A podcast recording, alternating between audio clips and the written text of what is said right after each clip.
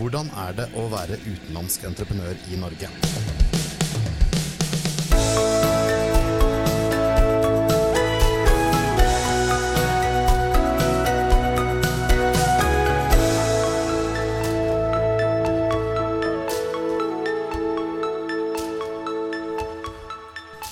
Hei og velkommen til en ny episode av Byggeindustrienbygg.no sin podkast Byggeplassen.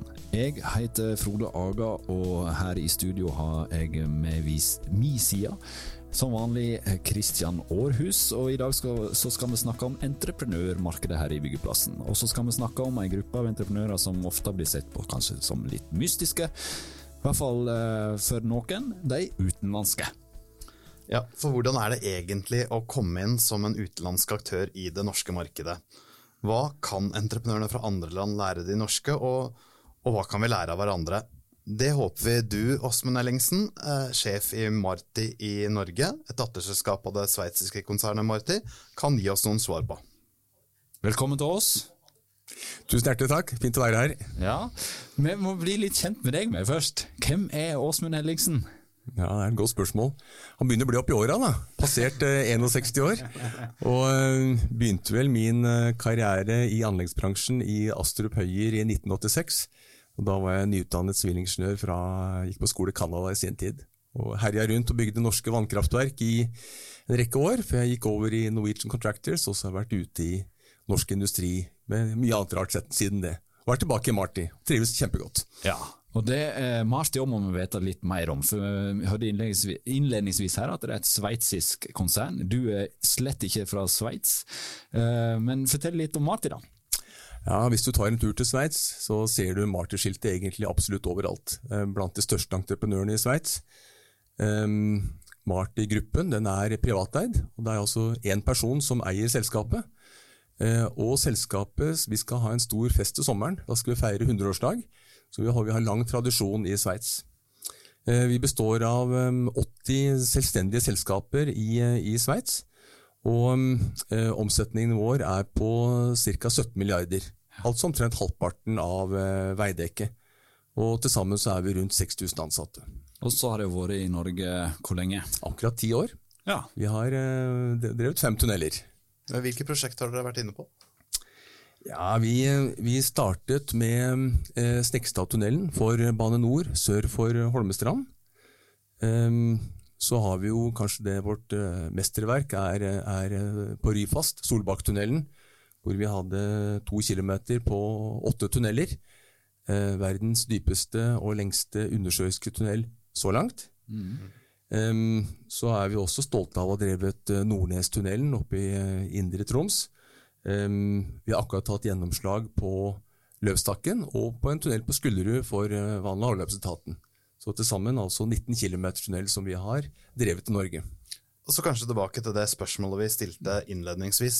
Hvordan er det å være utenlandsk entreprenør i Norge? Ja, det er et veldig godt spørsmål.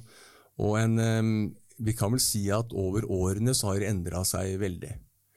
Eh, For noen år siden så ble vi jo møtt med en veldig skepsis og veldig lang vei fra festtalene til Stuff.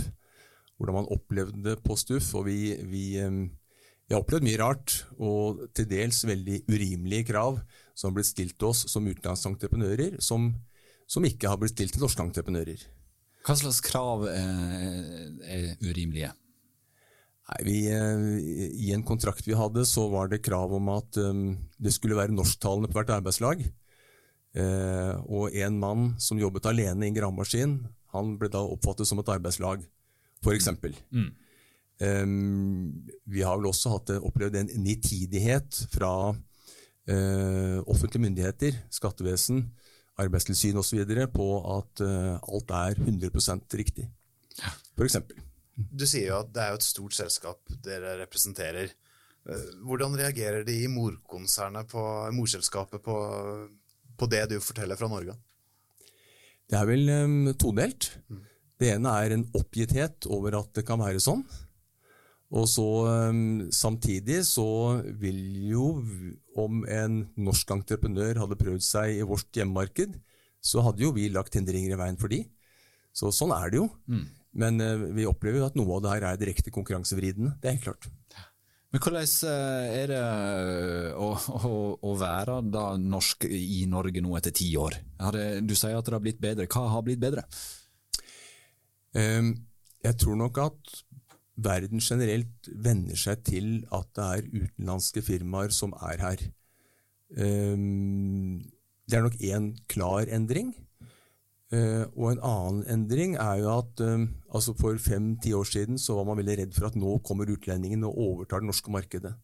Og det har jo ikke skjedd i hele tatt. Vi ser jo at uh, norske, norske, firmaer de leverer og har en stor andel av norske oppdrag, og utenlandske firmaer, mange av oss sliter for å komme inn i Norge. Mm. Og så er det noen som er her på ett og to prosjekter og forsvinner ut igjen. Absolutt. Og det er veldig interessant at store firmaer, kompetente organisasjoner, de er her og reiser igjen. Og det sier litt om det norske markedet. Det er ikke så enkelt som vi kanskje skulle tro. Men er Norge et land for spesielt interesserte også på anleggssida? Ja, det vil jeg si. Ehm, det er spesielle forhold her. Ehm, hvis du f.eks. Skal, skal planlegge et prosjekt, så er jo byggetid viktig. Og da spør du deg ja, hva slags arbeidstid er det? Så spør du ja, når kan, kan vi jobbe om natten? Ja, it depends. Mm. Det kommer an på om du har tariffavtale eller ikke, om du kan jobbe hvor lenge. Ja, det kommer an på. Så spør du ja, hva er minimumslønna, da? Hva er reglene i Norge for minimumslønn? Ja, it depends. Det kommer an på du, hvilken tariffavtale du har. Eh, ja, når kan det sprenge, da? Ja, it depends. Det kommer an på bydelsoverlegen, hvilken humør han er i. Mm. Eh, og her er det mange andre som har undervurdert kompleksiteten i det. For vi holder oss jo med et enormt byråkrati i Norge. Men tariffavtaler blir jo gjerne sett på som en god ting, og eh, der følger det eh, norske tariffer sånn som andre entreprenører gjør? Ja, absolutt. Vi, vi, det er ikke noe å lure på. Uh, vi er medlem av Maskinentreprenørenes forbund, og uh, våre ansatte er i Norsk Arbeidsmannsforbund. Mm. Men når vi hører deg fortelle nå, så hører vi, vi har hørt i mange sammenhenger at uh, entreprenørbransjen er en honningkrukke for utenlandske entreprenører òg. Er det det? Ja, på ingen måte. Um, vi kan i hvert fall si at Mart i Norge er, vi er her fordi vi har en eier som er solid, og som er veldig tålmodig.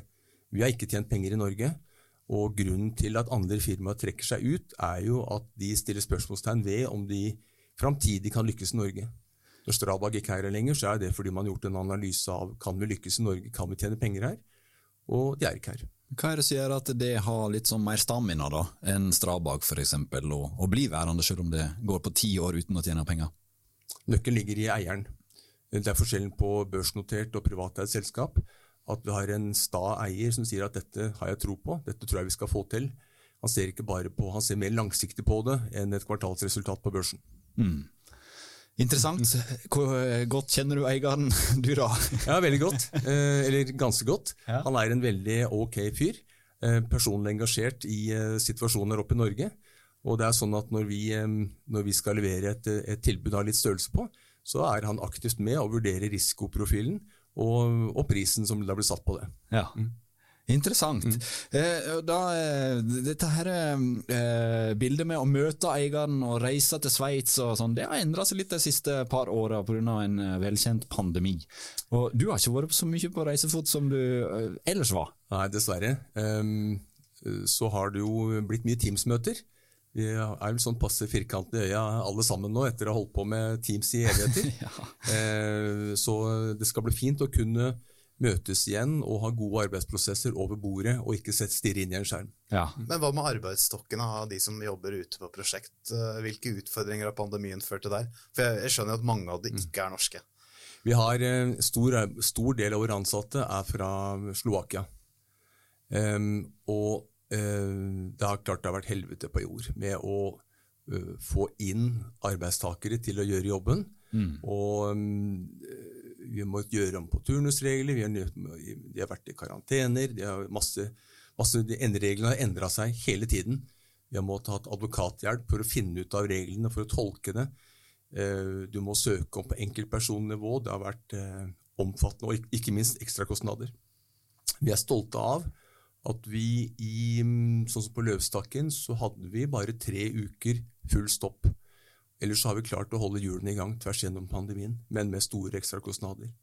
Bare for oss som ikke er helt lokalkjent med Løvstakken, hva er det for noe? Ja, Det er et prosjekt vi er veldig stolte av. Um, verdens første uh, sykkeltunnel, som uh, også da vil gå parallelt med en banetunnel for Bybanen i Bergen. Ja. Kjempeprosjekt. Ja. Det er noe med verdens lengste og uh, Marty. Ja, det liker vi. Det er vi gode på. Vi er klare til flere.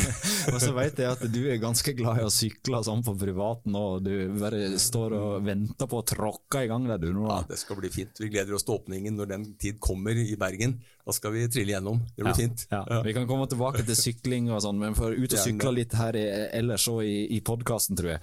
Hva slags uh, ting kan en utenlandsk entreprenør lære en norsk entreprenør, da? Ja, det er ganske mye. Vi, vi uh, En utenlandsk tunnelentreprenør han er vant til at beslutningene ikke tas på stuff, men inne på kontoret.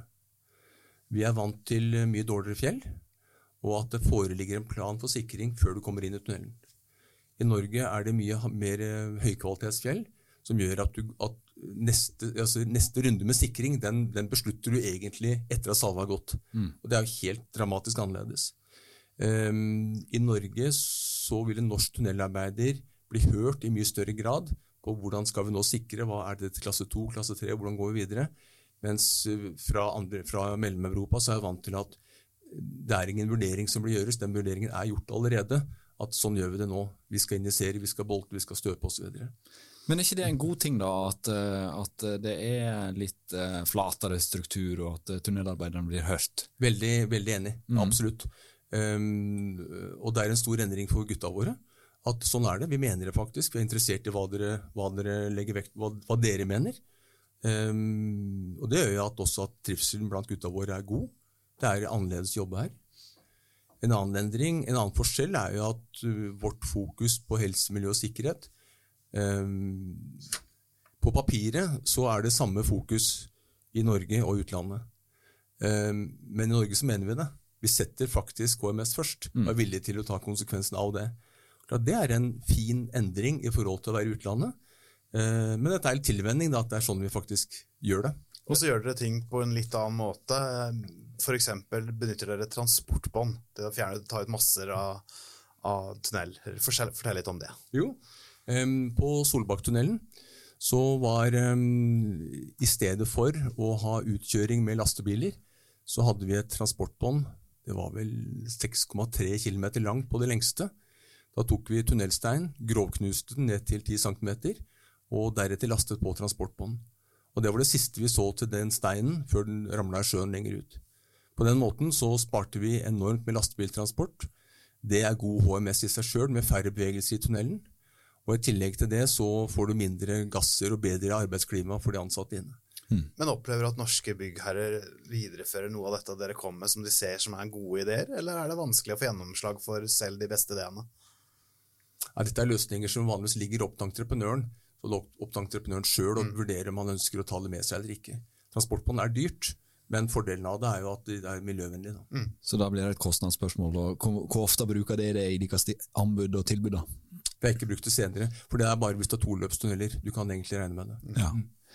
Eh, Solbakktunnelen er forresten i det eh, Ryfast-prosjektet. Det er det. Yes. Mm. Og uh, nede i rogalandsområdet så er det nye konkurranser på gang. Mm. Eh, Rogfast. Mm. Eh, der er det blant eh, ni entreprenører som har søkt om prekvalifisering. Det er riktig. Fortell litt om, om det, for det, det, er ganske tungt utenlandsk entreprenørheat som, som kjemper. Ja, det er det. Um, og det blir litt interessant å se hvem som får kontrakten til slutt. Det er klart Der er det uh, sterke, sterke norske grupperinger som er i god posisjon til å få, til å få jobben. Uh, og det er kompetente utenlandske som også er i posisjon til å gi interessante tilbud. Så hvordan den konkurransen utvikler seg, blir veldig spennende å se. Og så er det noen fra, fra Kina der. Kinesere kommer også. Det er, ja, det er mye spennende. Hva, hva tenker du om, om, eh, den delen av verden da, som uh, sikter seg mot Norge? Har, vi har jo hatt litt innslag her allerede, men så har det stilna litt. Ja, vi eh, altså For noen år siden sa vi at nå kommer utlendingene. Eh, og så kom utlendingene, og så var det ikke så skummelt. Og så sa vi at ja, nå kommer kineserne, det blir mye verre. Ja, og så, De har nå vært her en stund, og kan ikke si at markedet er tatt over av kinesere. Så kommer tyrkerne. Altså, vi er liksom veldig engstelige bransjer her, da, men eh, jeg tror det går fint. At de som det, er, det er marked for alle sammen. Skal, det er jo, Vi skal klare at regelverket for, i de offentlige kontraktene her er veldig omfattende. og Du kan ikke bare komme inn og dumpe prisene. Du må ha tariffavtaler, du må ha bomiljøer, du må ha mat, du må ha egentlig samme kostnadene. Ja. Men altså, Rogfast, mange mm. kommer inn dit med arbeidsfellesskap. Dere står aleine. Mm. Hvorfor det? Ja, det er klart at um, de norske entreprenørene er nok veldig forsiktige med arbeidsfellesskap. Mm. Særlig når det gjelder eh, utenlandske selskaper. Og eh, det er jo egentlig litt dumt av de norske selskapene. Fordi en kunne jo kanskje Det er klart Nå er markedet slik at de har nok å gjøre. Mm.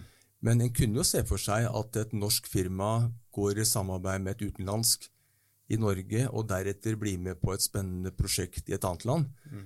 hvor norske selskaper har veldig god kompetanse på boring og sprenging, f.eks. Mm.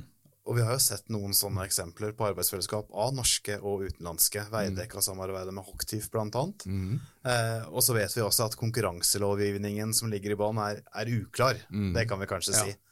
Men Vurderer dere i det hele tatt et arbeidsfellesskap med, med andre norske? Å ja. ja. Vi, har, eh, vi, har, snakket med flere selskaper om arbeidsfellesskap og er interessert i det. Mm. Så vi vil gjerne få til det når den tid kommer.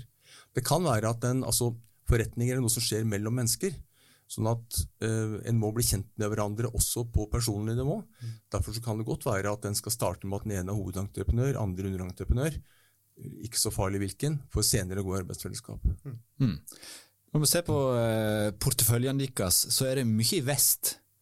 Er det, mm. er det noen grunn til det? For det har vært mye på Bybanen, mm. det har hatt uh, Ryfast som var inne på, nå ser de mot Rogfast, men det har vanntunnelen her på Østlandet i mm. Oslo.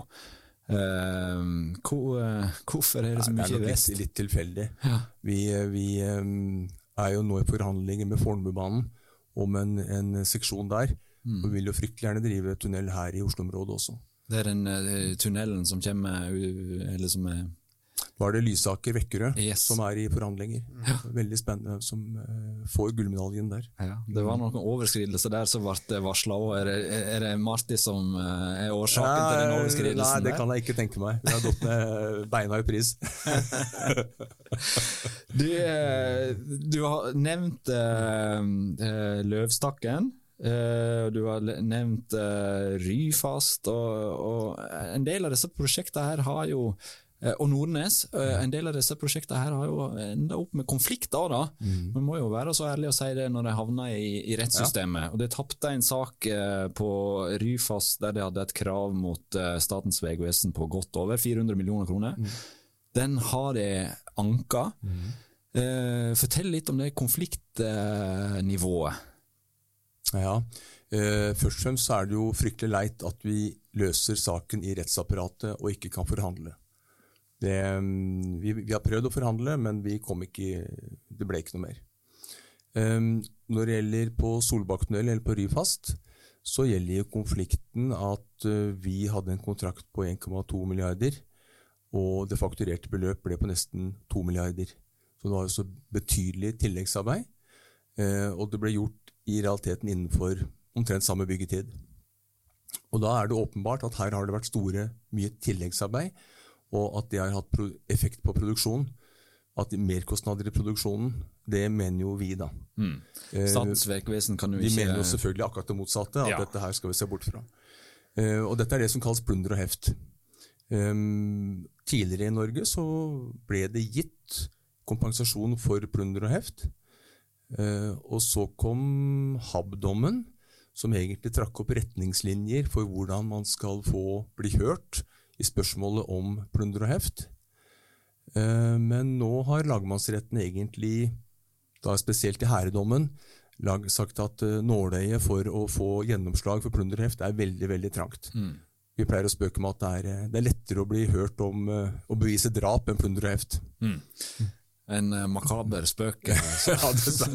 men men, sånn, uh, men, men allikevel, det, det, går på. Det er anka, og har da åpenbart tro på at det kan nå igjennom med deres syn. Ja, det, Når skal den anken opp? Ja, det, det, er ikke gitt en tidsplan ennå. Det er en lang sak. Mm. Eh, sist så var vi i retten i sju uker. Og det er ikke, det er ikke bare bare for en, eh, domstol å finne plass til sju ukers eh, rettsbehandling. Det bitter jo opp en del både ressurser og penger. Og, ja. Management attention, ikke minst. Ja. Men altså, hvordan reagerer eh, eieren i Sveits på, på disse rettskonfliktene? Er det noe særegent for Norge, eller er det sånn at man opplever dette i andre markeder òg? Nei, det er nok særegent for Norge at en må i retten, og faktisk eh, fighte i retten for å få pengene sine. Eh, andre land er det vanlig med forhandlinger og finne fram til forhandlinger. Og Vi håper jo at den trenden med rettssaker snart gir seg, slik at den kan løse konflikter i prosjektet, og ikke sende det til retts, rettssalen. Inntrykket mitt er vel at det, kanskje det, det, det er en bevegelse der, at det, det er i ferd med å skje. Vi håper jo veldig det, og vi ser jo egentlig omriss av det.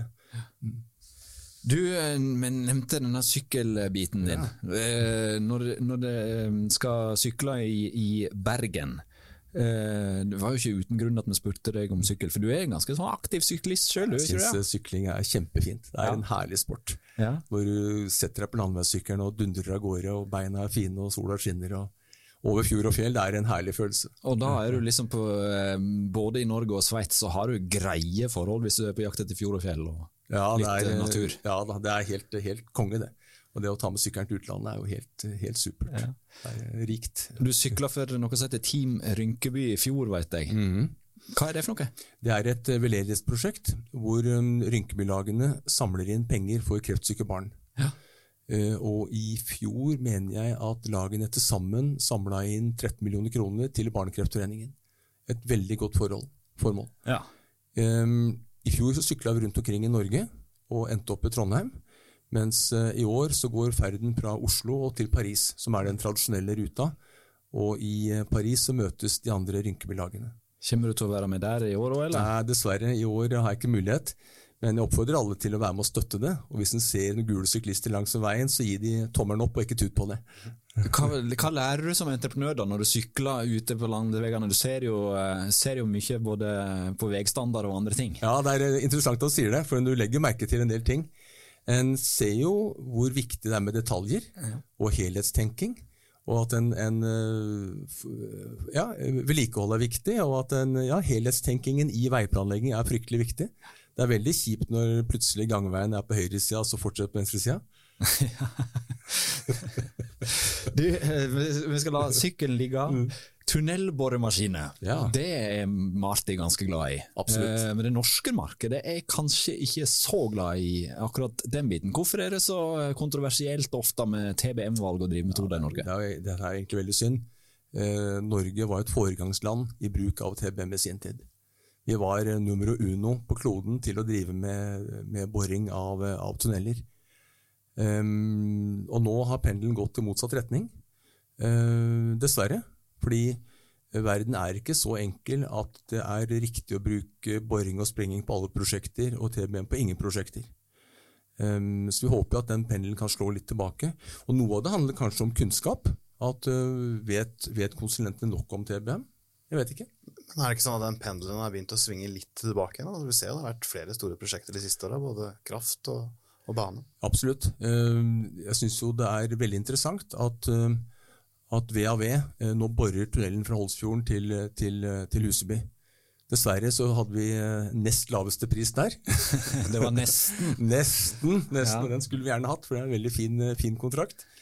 Um, det hadde jo vært fint om Ringeriksbanen kanskje hadde vært delvis vært bora, da, ikke bare driving, boring på gamlemåten, men det er en annen sak. Ja, spørsmålet er om det skal snu den steinen der når nye veier kommer inn og, og kanskje ser litt på det på nytt. da. Det blir veldig spennende å se. når Ja. vi På et eller annet tidspunkt så får vi vel mer informasjon fra prosjektet om, om hvordan de skal drive det framover. Det blir Ja. interessant å se. Vi håper jo på at det kanskje kan legge opp til litt boring der. Ja, Spennende å se. Men, men, eh, men hvorfor blir det så det, det er jo ofte bråk rundt drivmetode og valg, da. Ja, og dette her er vel Altså, vi sier at, eh, at ingeniører er eh, teknokrater. Eh, jeg tror kanskje ingeniører er veldig mye følelser. Og veldig mye 'jeg liker det', og 'jeg liker det', og det er noen som liker TBM, og det er noen som liker boring og driving på gamlemåten. Det er kanskje der det sitter, mer enn en enn fakta. Det hender innimellom at vi ringer deg eh, i forbindelse med andre saker. Vi hadde jo annet en, eh, en samtale om Lærdalstunnelen for ikke så lenge siden, der du var inne og anslo en pris på Mm. hvis en skulle ha, ha laga et nytt løp i verdens lengste. Vi skal ikke komme inn på det, for den eh, har samferdselsministeren allerede vært avskrevet. Yet. Men, men da når jeg ringte deg, da, så sa du noe som jeg syntes var litt morsomt. At du nei, nå, nå var det godt du ringte, for nå får jeg en pause i det og skulle forklare NTP. Altså Nasjonal transportplan for mine sveitsiske eiere. Ja. Hvordan i all verden forklarer en NTP for en sveitsisk eh, eier? Ja, jeg har vel fått kjørt meg på mine pedagogiske kunnskaper. For den finnes det ikke i Sveits. det, det er ikke noe tilsvarende. Nei. Og det er jo egentlig noe vi kan være stolte av som nordmenn. Ja. At vi har et godt plandokument som sier litt om hva som kommer på kort sikt, og hva vi kan regne med kommer på lengre sikt. For da har du forutsigbarheten, da. Og det er veldig bra. Det Mm. er kjempebra. Og det jo, det blir eh, De er imponert over systemene våre i Sveits på det området her. Men er de, er de klar over at det finnes et sånt dokument? Når en, eh, Nå er det det. nå er det Nå er det det, Men det tok ti år, da. Ja, ja, Hvem er det som har svikta i kommunikasjonen? Nei, nei, nei det, er ikke, det er ikke sånn. Det er, nå er det en forholdsvis ny NTP, da. Ja. Så det er ikke, det er ikke verre enn det. Så det er, Gå gjennom hva det betyr for oss, og hvilke prosjekter vi nå skal eh, planlegge med. Men vi har en lang historie i Norge med utenlandske entreprenører som har kommet hit, og etter hvert blitt norske. Skanska NCC er eksempler på det som vi regner som norske, selv om vi har et utspring i Sverige. Ikke sant? Når blir dere norske? Ja, det, er, det kommer an på hvem du spør, da.